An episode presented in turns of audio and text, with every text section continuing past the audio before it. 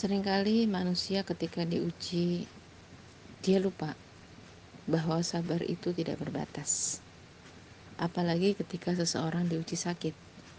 Seringkali ketika ada seseorang yang sakit atau sedang terbaring sakit, pertanyaan kita kepada mereka, sudah berapa lama sakit? Nah, ini menjadi sesuatu hal yang sebenarnya kita perlu mengintrospeksi diri ya kebanyakan dari kita sering kali tidak mampu menjawab seberapa lama kita sudah sehat tapi ketika sudah sakit dalam hitungan hari saja manusia terbiasa untuk banyak tidak sabarnya ketika menghadapi sakit yang secara waktu pastinya jauh lebih uh, singkat dibandingkan dengan masa sehatnya. Dan ketika dia sehat, dia saat itu mungkin tidak merasakan ada yang istimewa dari sebuah rasa sehat ya. Karena dianggap saya ini bukan sebagai sebuah hal yang penting ya. Tapi justru e, terasa sehat itu istimewa ketika kita sakit saja. Ya itulah manusia. Ya sering kali kita memang tidak pandai dalam menghitung nikmatnya Allah ya. Kita ada pandai biasanya menghitung ketika terjadi musibah dan beragam macam bencana yang menimpa diri kita ya yaitu berupa rasa sehat dan sakit ini tadi. Nah, karena kebanyakan manusia memang tidak banyak yang bersyukur. Akan tapi kita juga digambarkan di dalam Al-Quran juga demikian mudah untuk berkeluh kesah ketika ditimpa musibah seperti termasuknya rasa sakit apalagi dalam kondisi wabah seperti saat ini rasa sehat itu sesuatu hal kenikmatan yang harus banyak kita syukuri dan sakit ya bandingkan kita menghitung tiap hari berapa orang positif, PDP, ODP dan sebagainya. Dihitung nggak berapa jumlah orang sehat di dunia? Itu nggak berapa orang yang meninggal, tapi orang yang sehat, orang yang baru lahirnya, apakah tidak dihitung? Bahkan selama musim pandemi ini ada di wilayah Tasikmalaya jumlah orang uh, wanita yang hamil justru naik 105%. Artinya di tengah kondisi kematian yang cukup banyak ya, sisi kelahiran juga luar biasa besar ya peningkatannya selama musim wabah ini. Artinya di sinilah manusia juga harus banyak menghitung-hitung dari sisi musibah dan bencana yang menimpa dirinya dengan rasa syukur yang juga harus senantiasa dia ingat. Sehingga dia tidak banyak berkeluh kesah dari situ. Ya, dan sakit ini kan sering kali manusia hanya merasakan sesekali saja. Coba kita hitung dalam satu bulan, satu minggu, satu tahun, berapa kali kita sakit? Ya, kadang kan juga sekali sakit juga tidak terlalu lama. Nah, tentu ini tidak di apa ya, tidak bisa dibandingkan dengan masa sehat yang jauh lebih panjang dari usia kita, ya, dari masa sakit kita. Makanya coba renungkan ya, selama sekian puluh tahun kita hidup di dunia, berapa kita dirawat di rumah sakit berapa kali gitu ya. Pernah operasi pernah ketemu dokter berapa kali dalam posisi kita hidup berapa puluh tahun misalkan atau belasan tahun. Nah ini makanya coba kita hitung-hitung supaya semakin menambah rasa syukurnya kita. Coba kita belajar dari bagaimana sirahnya Nabi Ayub alaihissalam ya beliau menderita sakit selama belasan tahun.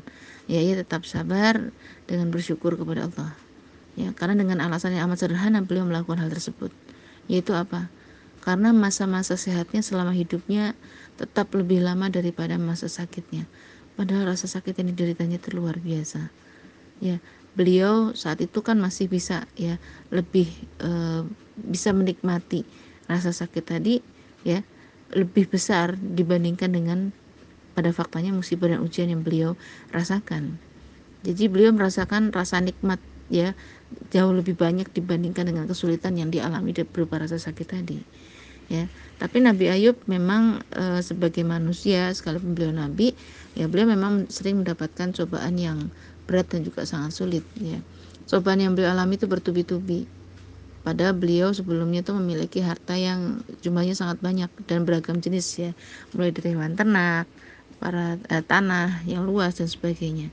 Dan beliau pun juga punya istri yang soleh dan keturunan yang baik-baik tapi kemudian Allah menguji dengan beragam macam ujian yang sangat berat ya.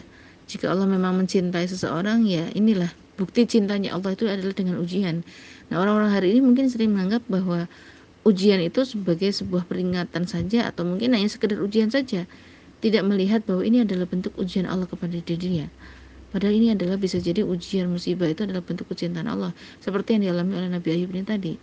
Saking cintanya Allah kepada seseorang, maka orang itu Allah uji dengan ujian-ujian supaya apa? Senantiasa dia penuh dengan kedekatan terus kepada Allah ya. Dan di situlah ya Allah kemudian er, melihat siapa yang sekiranya ridho dengan ujian yang Allah berikan, maka dia akan mendapat keridoan dari Allah. Masya Allah. Tapi siapa yang berlukes, berkeluh kesah, ya apalagi marah dengan ujian-ujian yang Allah berikan, dia dapat murkanya Allah. Dalam hadis dikatakan demikian. Masya Allah semoga kita termasuk orang-orang yang bisa belajar bagaimana ketika kita diuji mendapatkan musibah kita ridho dengan apa-apa yang menimpa kita. Insya Allah dapat keridhaan Allah. Itu tanda Allah mencintai kita. Ya Nabi Ayub contohnya adalah orang yang sangat sabar saat itu menghadapi ujian hidup ya. Hartanya yang banyak habis. Anak-anaknya meninggal dunia. Semua ternaknya binasa. Coba bayangkan, beliau sendiri menderita penyakit kulit yang sangat berat hingga sekujur tubuhnya itu dipenuhi seperti belatung. Ya Allah, Masya Allah luar biasa. Subhanallah ya. Dalam menjalani musibah itu beliau tetap bersabar dan tetap mengharapkan pahala, tetap berzikir kepada Allah pagi dan siangnya, malam dan siangnya, pagi petangnya. Beliau selalu begitu. Beliau jalani semua itu dengan kesabaran yang luar biasa ya hari demi hari terus berlalu demikian dan penderitaan itu semakin hari semakin bertambah berat tidak hanya sekedar penderitaan tapi semakin bertambah berat setiap waktunya jadi saat semakin berat keluarga kerabat beliau malah justru semakin menjauhi. Jadi semuanya menjauhi karena tadi ada sakit yang dianggap itu menjijikan bagi orang-orang di sekitar dan saudara-saudara yang lainnya. Demikian juga kawan-kawan beliau semuanya pergi. Nah kita diuji apa sih? Coba harta kita hilang nggak? Ya anak-anak kita mati nggak? Keluarga kita mati nggak? Hewan ternak kita mati nggak? Tanah-tanahnya juga apakah hilang semuanya? Keluarga apakah menjauhi kita? Teman-teman apa menjauhi kita? Kan enggak ujian ini adalah ujian yang paling berat dihadapi oleh Nabi Ayub ya. Tapi hanya bertahan yang sabar hanya istrinya saja ya. Dan beliau pun tetap memenuhi dan mengurus hak-hak beliau Nabi Ayub. Masya Allah.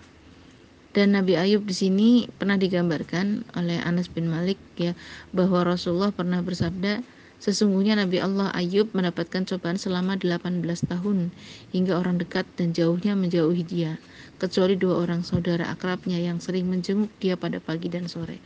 Masya Allah, dalam hadis dikatakan demikian. Jadi karena begitu lamanya Nabi Ayub menderita sakit parah, jadi istrinya sampai sempat suatu saat itu memang berbicara kepada Nabi Ayub, e, suamiku tidaklah engkau berdoa kepada Allah agar dia menyembuhkan kamu. Ya, jadi disuruh berdoa sama istrinya. Tapi Nabi Ayub kemudian e, berkata, celakalah kamu, ya.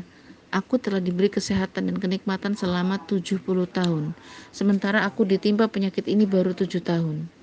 Sakitnya 7 tahun kalau dalam hadis ini, tapi ada yang e, hadis yang lain riwayat Abu Ya'la mengatakan 18 tahun. Padahal kenikmatan yang pernah dirasakan berupa kehidupan yang sehat itu selama 70 tahun. Jadi itu nggak apa-apa, nggak nggak jadi masalah dibandingkan dengan rasa sehatnya. Nah, jadi dalam waktu tersebut ternyata beliau menganggap itu tetap sebuah kenikmatan.